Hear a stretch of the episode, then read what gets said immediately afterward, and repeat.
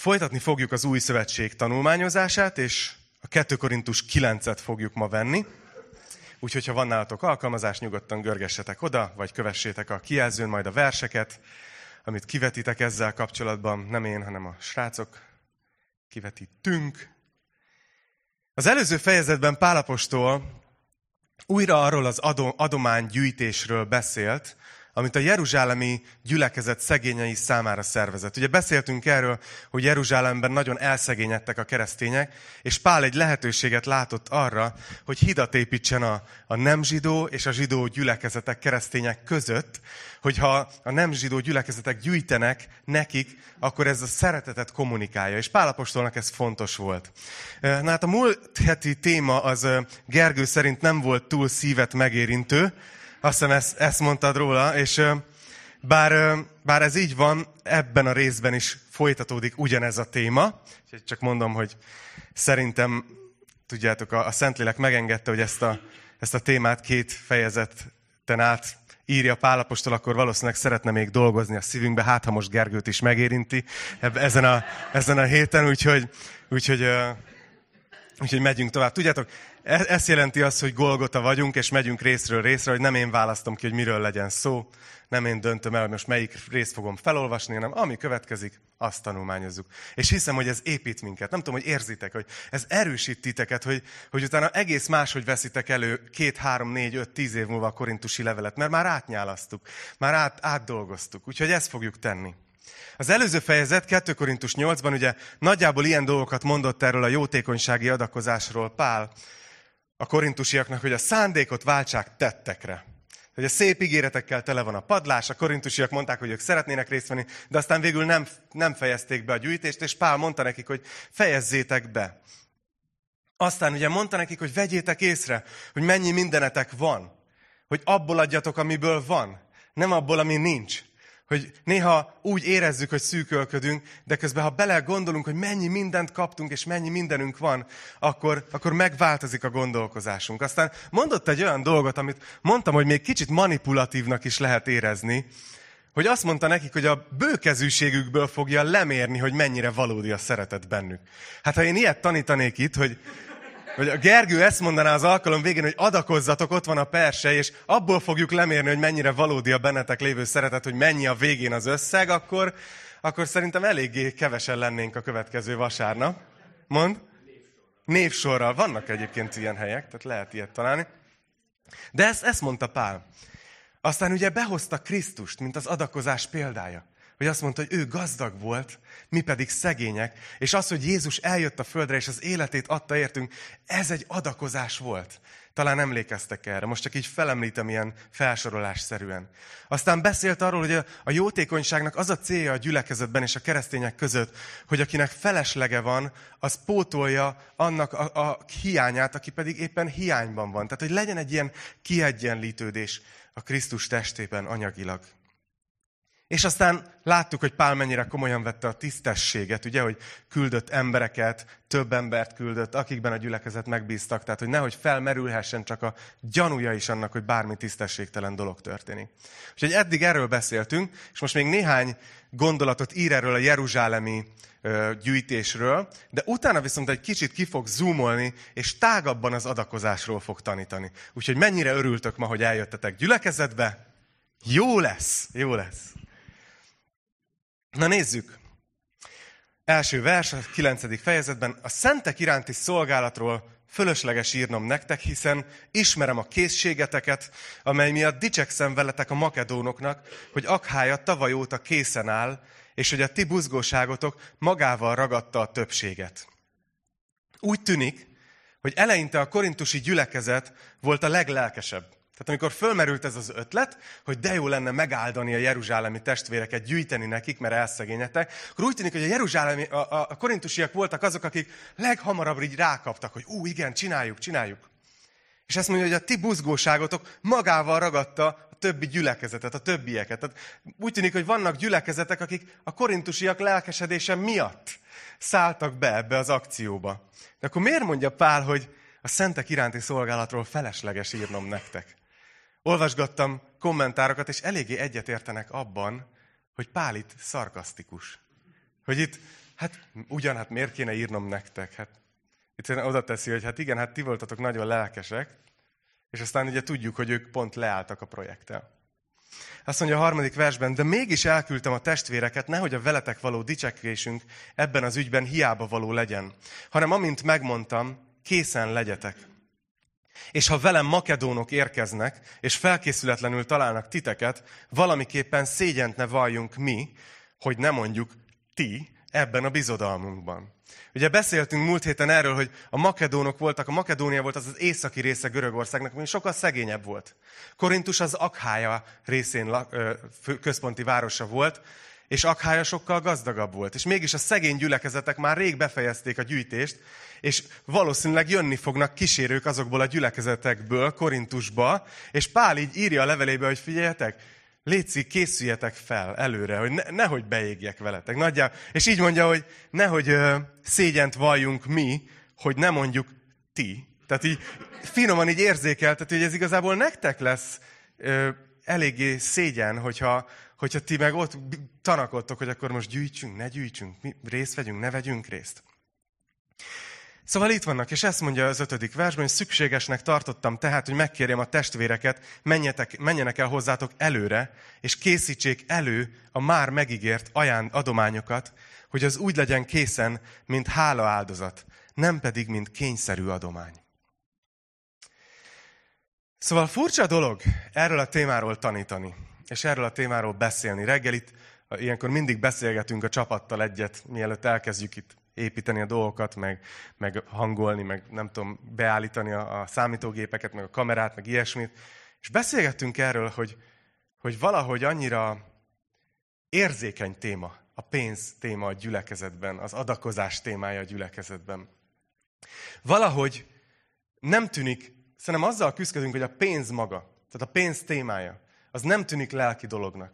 Ugye még a köznyelven is úgy beszélünk erről, hogy a piszkos anyagiak. Ugye, hogy mondjuk ezt, hogy jó barátság alapja a pontos üzleti elszámolás. Tehát, hogy ez valami olyan dolog, amit legyen rendben, tudjuk le, de hogy, de hogy nem, nem érezzük a lelkünkhöz közel álló témának ezt az egészet. Viszont nagyon zavarba ejt, hogy a Biblia mennyit beszél a pénzről. Hogy az Ószövetségben is egész törvények vonatkoztak erre, előírások, Isten előírt dolgokat. Aztán az Új Szövetségben Jézus tanításai között nagyon sok anyagi természetű tanítás van. Nagyon sokat beszél a pénzhez való viszonyról, a, a, a, hogy hogyan tekintsünk rá, hogyan használjuk, mire használjuk.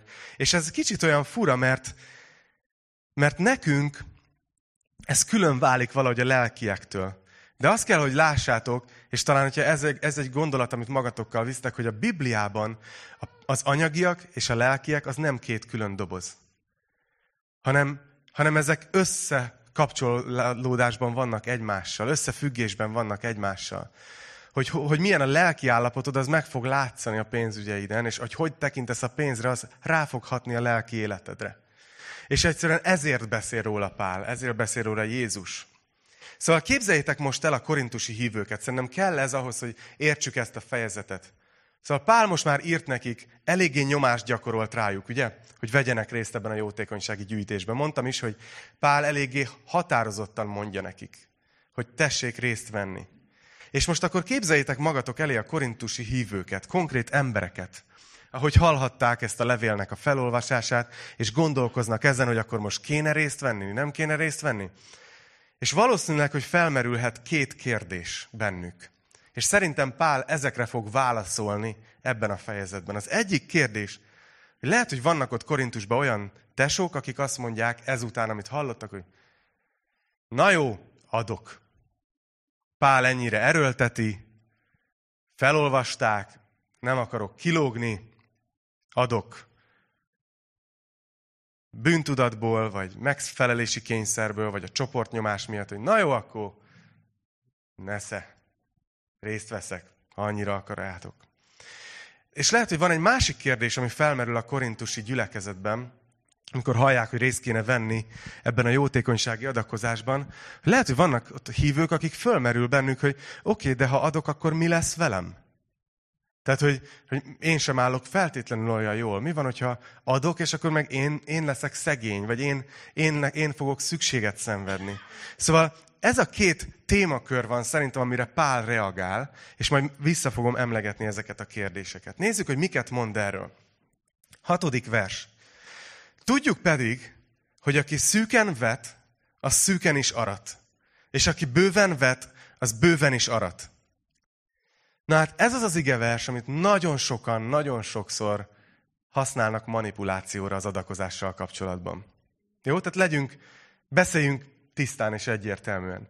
Ezt a verset nagyon sokszor kontextusból kiragadva arra használják, hogy, hogy, hogy rávegyék az embereket. Talán ti is látjátok, hogy ez a jótékonysági evangéliumnak az egyik, jóléti evangéliumnak az egyik alapverse. Ugye a jóléti evangélium alatt azt értjük, talán hallottátok már ti is, amikor azt tanítják, különösen ilyen tévé-evangélisták és ilyen nagy emberek, hogyha, hogyha adakozol, hogyha ha te bőven vetsz az Isten királyságába, akkor majd te bőven aratsz egészséget, gazdagságot, jól leszel, gazdag leszel, egészséges leszel, csak vess az Isten országa. Én láttam szememmel is ilyet, voltam is ilyen helyen, ahol hallottam ezt.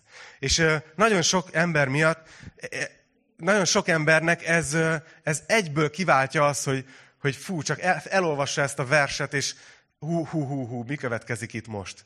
Biztos, hogy még nyitva van az ajtó, tudod, hogy el lehet még menekülni erről az alkalomról, ki lehet még innen menni.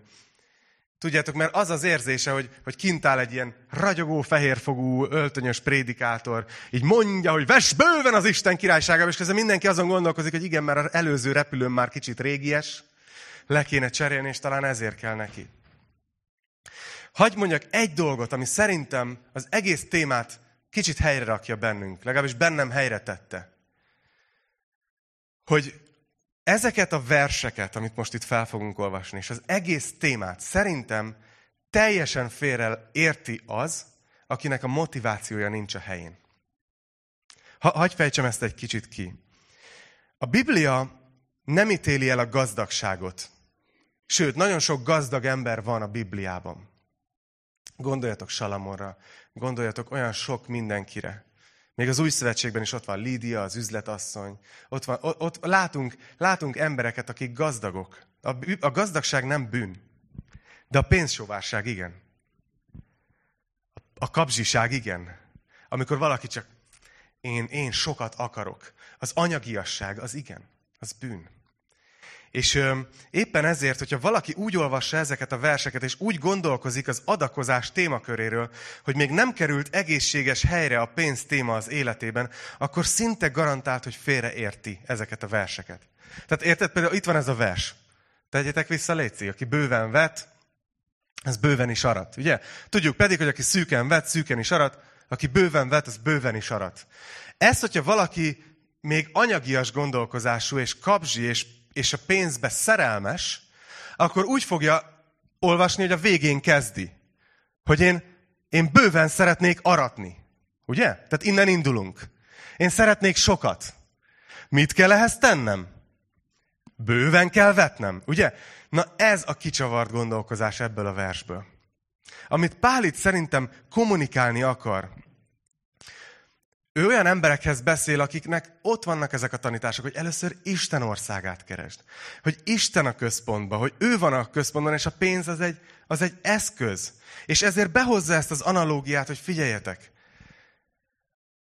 Ez olyan, úgy működik az adakozás, mint egy vetés és egy aratás. Hogy ne úgy gondoljátok, hogy, hogy te gondol, gondolod, hogy majd adakozol jó szívvel Istenért, és akkor, de mi lesz veled? Hogy akkor te neked ez kidobott pénz, mert akkor neked ennyivel kevesebbed lesz.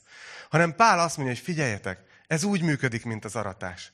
Hogyha ti hisztek Isten ügyébe, és ti adakoztok erre, akkor higgyétek el, hogy, hogy ez vissza fog jönni hozzátok. Ott, ott fogtok ti aratni is. Ne, ez nem egy ilyen kidobott pénz, hanem, hanem egy magvetés, hogy Isten vissza tudja pótolni. És me, meg is fogjuk ezt látni a következő versekben. Szóval, hogyha érted, hogy a pénz csak egy eszköz, akkor máshogy tekintesz erre. Szóval talán azt a gondolatot akarja Pál kezelni itt, hogy fú, ha én elhatározom, hogy én egy adakozó életet fogok élni, akkor lehet, hogy el fogok szegényedni. És Pál azt mondja, hogy dehogy is. És nézzétek, hagy hozzak né- néhány másik verset, ahol ugyanezt a témát kezeli az ige. Példatbeszédek 19-17. Ezt mondja, hogy aki könyörül a nincs telenen, az Úrnak ad kölcsön. Mert ő megtéríti a jó téteményét. Tehát látjátok, hogy ez nem arról szól, hogy meg akarsz gazdagodni? Jótékonykodj. Hanem arról szól, hogyha te látsz egy szegény embert, és neked megindul a szíved, és szeretnéd Isten szeretetével őt szeretni, és ezért adakozol, akkor tudj róla, hogy Isten erre úgy tekintett, mint hogyha neki adtál volna kölcsön. És ő meg fogja téríteni a jó téteményedet. Nem te leszel szegényebb ettől. Malakiás 3.10. Ezt mondja, itt már nem a jótékonykodásról van szó, hanem a szolgálatra, Isten országának az építésére való adakozásról. De ugyanezt az elvet látjuk. Ezt mondja, hogy hozzátok be a raktárba az egész tizedet. Ugye Ószövetségben elő volt írva törvényben a tized. Új szövetségben nincs előírva. De ezt mondja, hogy hozzátok be a raktárba az egész tizedet, hadd legyen eleség a házamban, és így tegyetek próbára engem, mondja a seregek ura. Meglátjátok, hogy megnyitom az ég csatornáit, és bőséges áldást árasztok rátok. Tehát, hogy látjátok, ott volt a népben ez a gondolat, hogy hú, de hát, hogyha mi adakozunk Isten céljára, Isten országára, Isten ügyeire, akkor, akkor mi el fogunk szegényedni. És azt mondja nekik Isten, hogy tegyetek próbára. Hozzátok be. És nézzétek meg, hogy mennyire áldottak lesztek. Látjátok, hogy más a, a, a gondolkozás erről? Hogy, hogy Isten az adakozással nem pénzt gyűjt. Isten meg tudná ezeket az ügyeket máshogy oldani.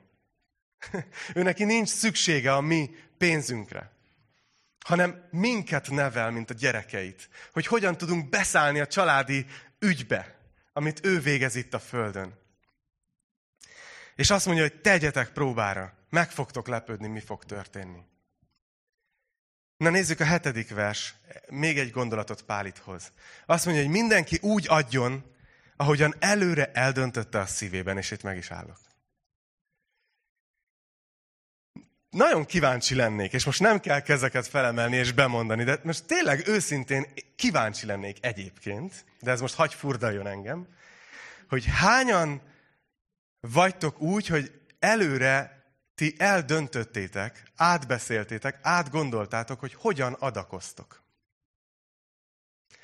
Nem kell bögdösni melletted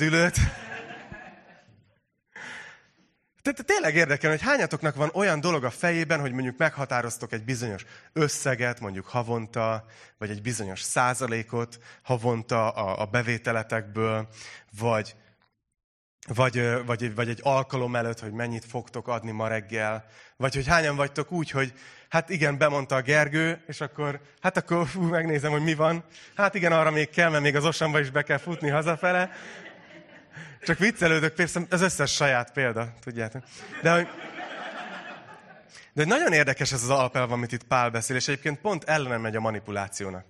Tehát ne úgy legyen, hogy eljössz, és akkor annyira a hatása alá kerülsz a zenének, az üzenetnek, vagy valami, hogy na, akkor most jól fogok adakozni. Hanem azt mondja Pál, hogy minden, és ez szerintem nem csak a jótékonysági gyűjtésre vonatkozik, hanem az adakozásra általában, hogy mindenki úgy adjon, hogy előre eldöntötte a szívében. Hogy te ezt gondold át, beszéld át, hogyha házas vagy a házastársaddal. Ne a pillanat hatása alatt. Voltam nem régen egy gyülekezetben, ahol az adakozás alatt egy ilyen lement a dicsőítő csapat, a dicsőítés végén volt az adakozás, és lement a dicsőítő csapat, és kiállt egy opera énekes, és énekelt egy ilyen nagyon megindító dalt, hogy mennyi szükség van a világban, mennyi szenvedés, mennyi fájdalom, és közben kim volt a képernyőn a bankszámlaszám, wifi-n is adakozhatsz, bárhogy adakozhatsz. És így úgy éreztem, hogy hú, tehát, hogy ilyen bűntudatkeltés, és ilyen szegényebben mentem, tehát jó, igen, igen, igen. Szóval látjátok, több adakozási kategória van a Bibliában. A Biblia beszél arról, hogy, hogy jótékonykodjunk a szegényeknek, hogy gondoskodjunk a szegényekről. A Biblia tanít arról, hogy gondoskodjunk arról, hogy legyen tanítás, hogy legyen olyan szolgálat, ugye, ahol a, a mi gyülekezetünk például ilyen, azért van adakozás, hogy legyen helyünk például összejönni. Tehát ezekről a dolgokról beszél a Biblia, de nagyon fontos, hogy, hogy te gondold át, hogy mennyit szánsz oda. Viszont amikor erről gondolkozol, ugye erre, erre bátorít Pál, akkor ne úgy gondolkozz, hogy akkor én ennyivel szegényebb leszek. Hanem, hogy tudjad, hogy ez egy magvetés. És hogy tényleg azért csináld, amiért hálás vagy, ne azért, hogy, hogy bármi más motivációból. És nézzetek, még egy gondolatot ide tesz. Azt mondja a hetedik vers második fele, hogy hogyan adakozzunk, hogy ne kedvetelenül, vagy kényszerűségből, mert a jókedvű adakozót szereti Isten. Ugye, beszéltem az elején, hogy vannak, lehet, hogy ott Korintusban is voltak olyan emberek, akik úgy érezték, hogy hát annyi szó van itt erről az adakozásról, annyira ciki, hogyha itt adják körbe a kosarat, és csak én nem teszek bele, hogy, hogy na jó, akkor adok. Ne, ne érje szó a ház elejét. És nagyon érdekes, hogy konkrétan erre Isten tudjátok mit mond? Tedd el a pénztárcedet. Hogy azt mondja, hogy nem kell. Ha te kedvtelenül adsz, ha te kényszerűségből adsz, ha te a csoportnyomás miatt adsz, akkor ne adj.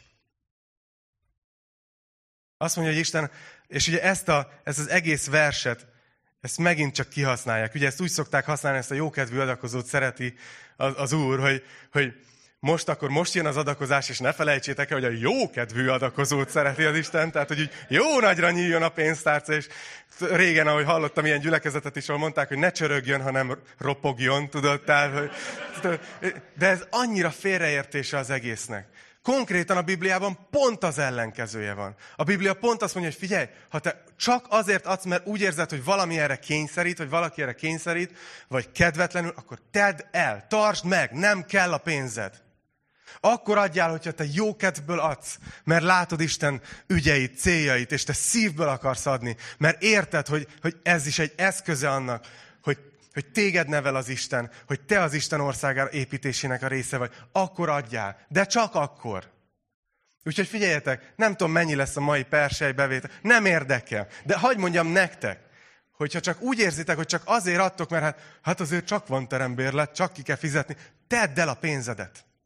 Ne adj!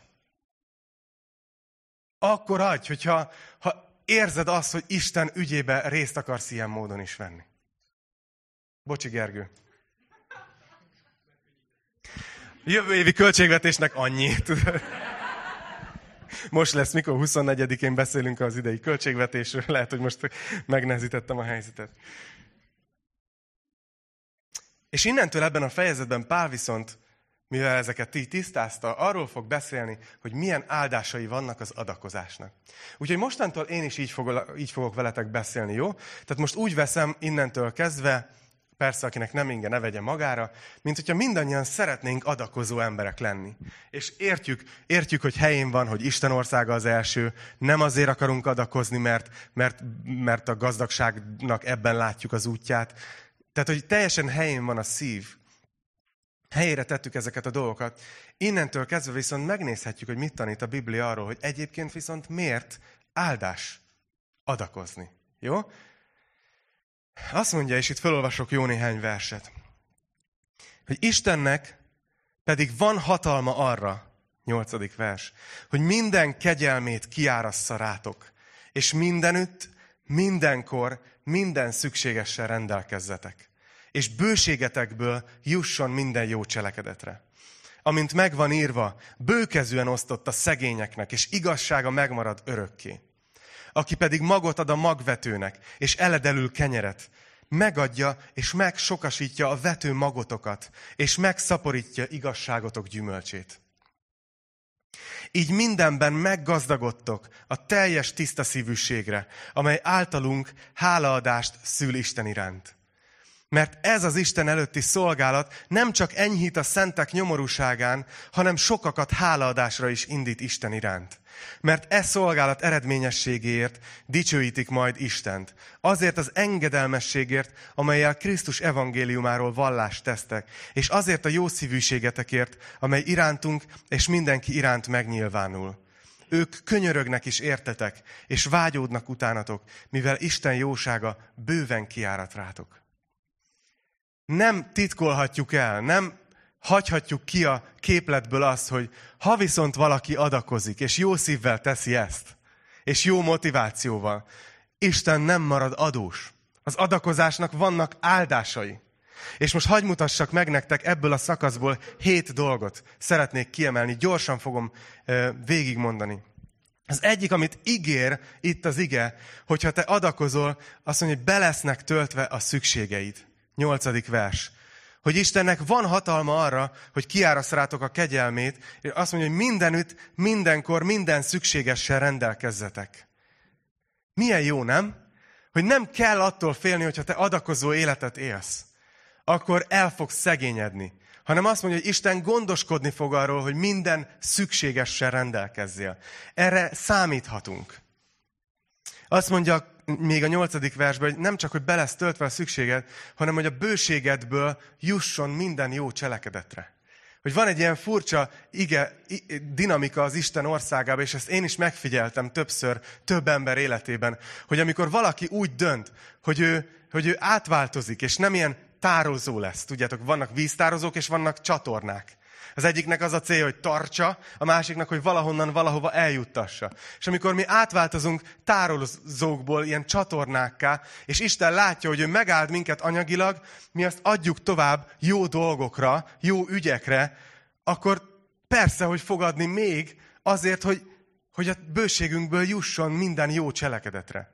Nem azt írta, hogy iPhone 14-esre, meg Rolls-Royce-ra, meg, meg kacsalában forgó palotára, de azt mondja, hogy, hogy Isten fogadni még bőséget is azért, hogy te tudj adakozni, és tudjál tovább tenni ezért.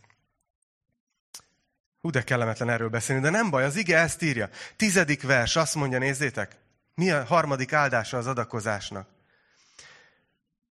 Hogy azt mondja, hogy Isten amikor ti, amikor ti adakoztok, akkor megszaporítja az igazságotok gyümölcsét. Ugye milyen jó érzés az, amikor adakozunk valamilyen célra, és utána látjuk azt, hogy Isten mit csinál azon keresztül. Hogy milyen eredménye van, milyen gyümölcse van.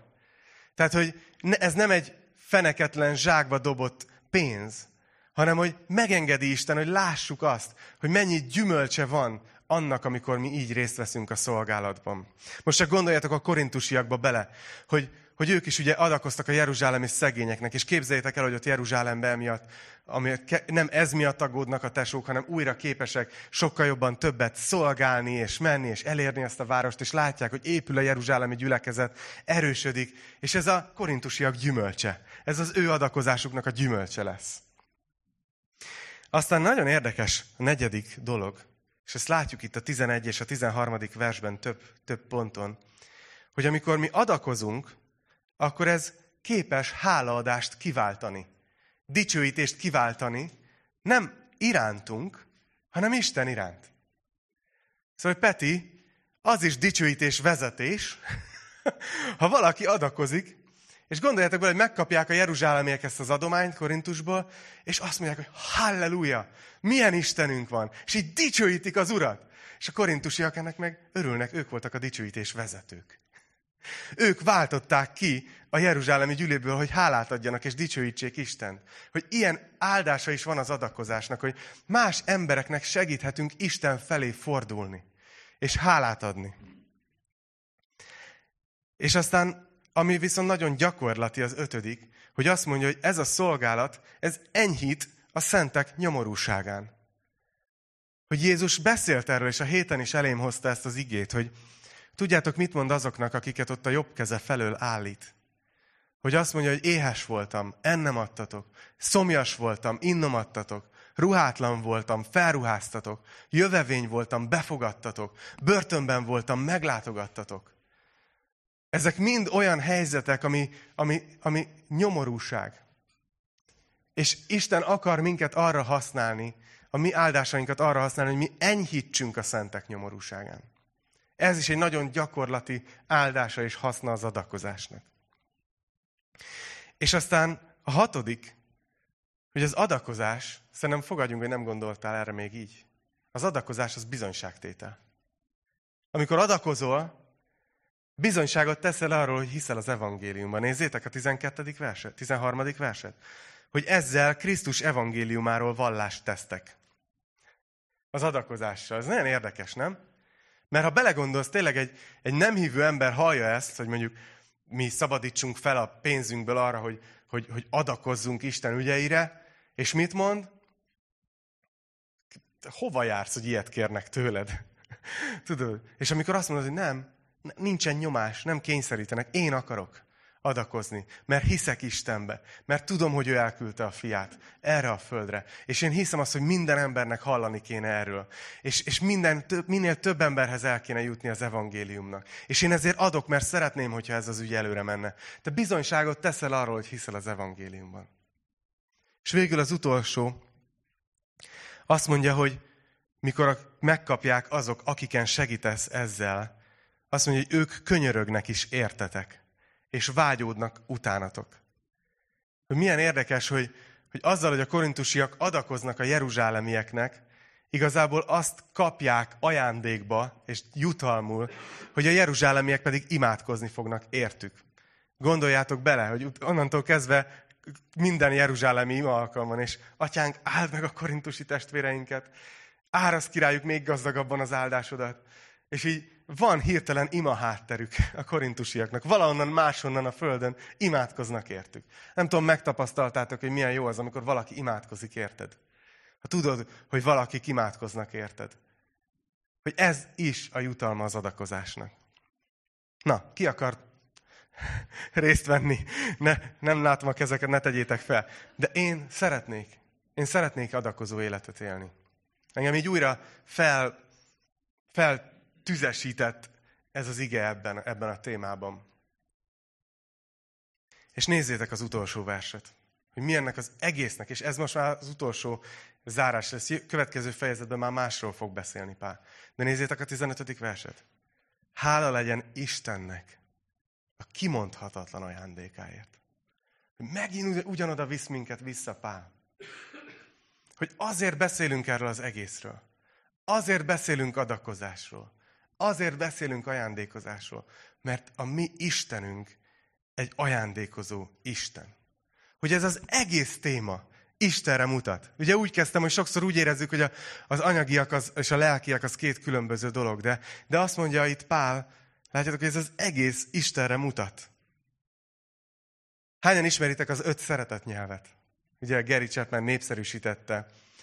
És persze meg vagyok róla győződve, hogy, hogy hogy Isten mindegy, mind az ötöt perfekt módon beszéli, és teljesen folyékonyan, de látnunk kell az, hogy ennek része az adakozás is. Nem tudom, hogy gondolkoztál -e ezen már, hogy Istennek az egyik szeretet nyelve, amit tökéletesen beszél, az az, az, az ajándékozás. Hogy ő, hogy ő egy ad, ajándékozó Isten. Hogy mielőtt még megszülettünk volna, ő már ajándékokat adott nekünk hogy egész életünk során ő ajándékokat ad nekünk. És tudjuk azt, hogy az életünk, amikor itt véget ér a Földön, ő ajándékot fog adni nekünk. Hogy, hogy ilyen a szíve. Ilyen a szíve. Hagy olvassak fel nektek néhány verset, csak azért, mert szerettem volna itt a végén megmutatni ezt, hogy, hogy Isten mennyire ajándékozó, mennyire adakozó. Azt mondja Róma 6.23-ban Pál, hogy a bűn zsoldja a halál, de az Isten kegyelmi ajándéka pedig az örök élet. Krisztus Jézusban, ami Urunkban. Hogy az örök élet, amit nekünk Isten megígért, az ajándék. Az nem fizetség. Nem elszámolunk és megérdemled, hanem az ajándék. De Isten akarja nekünk adni. Efézus, 8, Efézus 2, 8, 9 hiszen kegyelemből van üdvösségetek a hitáltal, és ez nem tőletek van, Isten ajándéka. Nem cselekedetekért, hogy senki se dicsekedjék. Látjátok, hogy azt mondja, hogy az üdvösségünk az Isten ajándéka. Hogy az, hogy mi itt ülünk, és gondolkozhatsz, hogy mi lesz holnap. Milyen határidők várnak, várnak rád a héten. Mi mindent kell elintézned. Mi, mi nyomaszt. Mit kéne már végre, végre sínre rakni hogy mit fog mondani a főnököd a héten. Gondolkozhatsz ezeken, de ha belegondolsz, hogy figyelj, hamarosan elmegy ez az élet, és ott leszünk az üdvösségben, mert már most kaptunk ajándékba üdvösséget. Héten voltunk egy, egy menő étterembe, meg karácsonyra kaptunk valakitől egy ilyen utalványt. Tudod, hogy vacsora meghívás. És elmentünk ilyen elég, elég, elég olyan étterembe, hogy megnéztem az étlapot, és mondom, hát itt nem biztos, hogy így saját Saját pénztárcából. Főleg miután adakoztam, tudod.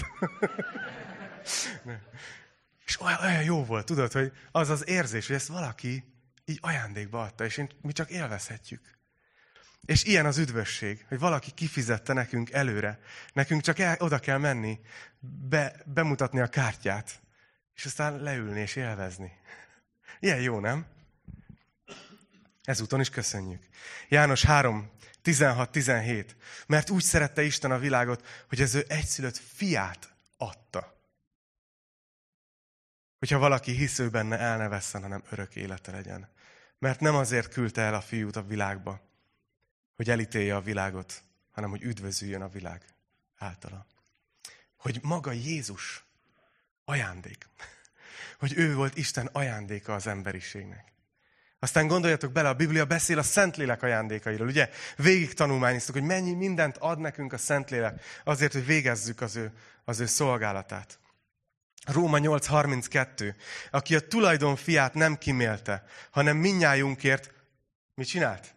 Odaadta. És hogy folytatódik? Ki van vetítve? Hogyan ne ajándékozna nekünk vele együtt mindent? Hogyan ne ajándékozna nekünk vele együtt mindent? Látjátok, hogy, hogy a Bibliának ez a szíve? Hogy Isten adni akar, adni akar, ajándékozni akar. 2 Timóteus 4, 7, 8, ez az utolsó vers, mert föl tudnék még 20-30-at olvasni, csak nehogy megunjátok. Azt mondja Pálapost, hogy milyen ajándékot fogunk kapni. Ama nemes harcot megharcoltam, futásomat elvégeztem, a hitet megtartottam. Végül eltétetett nekem az igazság koronája, amelyet megad nekem az Úr, az igaz bíró a manapon. Mondhatnád, hogy de hát akkor ez Pálapostolnak szólt, nem? Ez az ajándék. De nézzétek, mit mond. De nem csak nekem, hanem mindazoknak, akik várva várják az ő megjelenését. Látjátok, hogy az egész életünk, az egész életünk, még mielőtt megszülettünk volna, már arról szólt, hogy Isten ajándékoz nekünk. Egész életünk arról szól, hogy Isten ajándékoz most, itt nekünk, ahogy megyünk végig az életen. És már most tudjuk, hogy amikor véget ér az életünk, akkor még további ajándékokat fogunk kapni. Hogy látjátok, hogy Isten mennyire bőkezű, mennyire ajándékozó. És ezért van az, hogy ő be akar minket vonni egyébként az ajándékozásba, az adok, adakozásba. És ezért mondja azt, hogy figyelj, ha nem akarsz, akkor tedd el a pénztárcádat. Mert akkor nem érted a lényeget. Hanem ő akarja, hogy, hogy mi bevonódjunk vele együtt ebbe. És talán ezért annyira szép az a történet. Ma reggel pont azt olvastam, mert az következett. Amikor ott van az az asszony, Jézus két napon belül megy a keresztre. És bejön egy asszony, és odaönti ezt a drága olajat, ami egy évnyi kereset volt az ára, és így ráönti Jézus lábára. Milyen extravagáns, milyen pazarló. És a tanítványok meg is jegyzik, hogy hát ezt mondják a tanítványok, micsoda pazarlás ez. És Jézus azt mondja, hogy ú, hát ez az asszony, ez jobban felfogott valamit az egész sztoriból, az, az egész ajándékozásból, az ajándékozó Istenből, mint ti. És ahol az evangéliumot hirdetni fogják, ennek az asszonynak a tettét hirdetni fogják. Tudjátok, ez az adakozás, ez ilyen, ez ilyen fordított emelem. Tudjátok, vannak ezek a hálózatok, amikor fölhív az az ember, akivel 15 éve nem beszéltél, és tudod, hogy valaki megadta a számodat abba a három emberbe, amit a végén el kell kérni, hogy majd további beszélgetés. Voltatok talán ilyen telefonhívásokban ti is. Isten országa az egy ilyen fordított. Nem úgy van, hogy belépsz, akkor ilyen kis izé, fe, fekete színű padáván vagy, aztán majd föllépsz ezüst szintre, meg gyémánt szintre, meg arany szintre, és akkor már egyre többen alattad, akik vannak, azok fizetnek be neked, hanem itt az egész fordítva történik, hogy Isten kezdte, és így adakozik, adakozik, adakozik. És akik beszállnak ebbe a láncba, azok, azok, akik azt mondják, hogy hú, annyi mindent kaptam Istentől, hogy én elkezdem továbbadni, továbbadni, és így fölépül egy ilyen, ilyen lánc, és így áldja meg Isten a világot. Úgyhogy hagyj bátorítsalak titeket erre. Hogy legyetek csatornák, nem tározók. És őszintén tényleg úgy vagyok vele, csak ha már itt a mi gyülekezetünkről is beszélünk, és az adakozásról. Ezért van az, hogy mi kb. megemlítjük, hogy adakozzatok, ahogy Isten vezet titeket. És igazából én teljesen biztos vagyok benne, hogyha most mindannyian úgy döntenénk, hogy, hogy nem adakozunk, Isten akkor is gondoskodna az ő munkájáról. Istennek nincs szüksége a pénzünkre. Én inkább úgy látom, hogy ez egy kiváltság, hogy része lehetünk ennek. Dicsőítő csapat, gyertek, most jön az adakozós dal, tudjátok? Nem. Ki? És Peti, van egy meglepetésünk számodra, hogy szeretnénk bevonni egy szólószámba, hogy... Nem, abból nem lesz lóvé.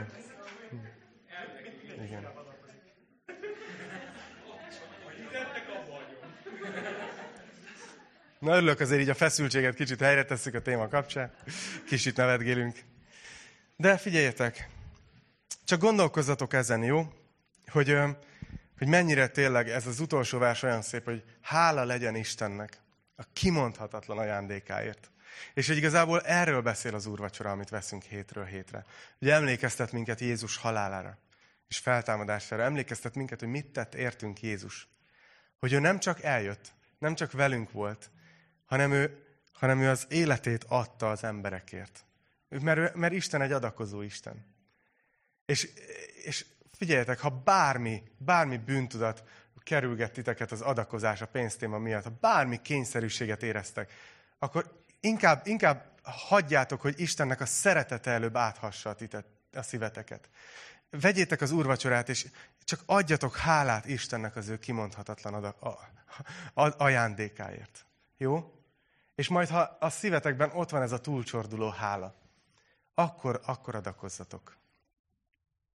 És szeretnék imádkozni, és remélem, hogy Isten fogja formálni még tovább benneteket ezeket a gondolatokat.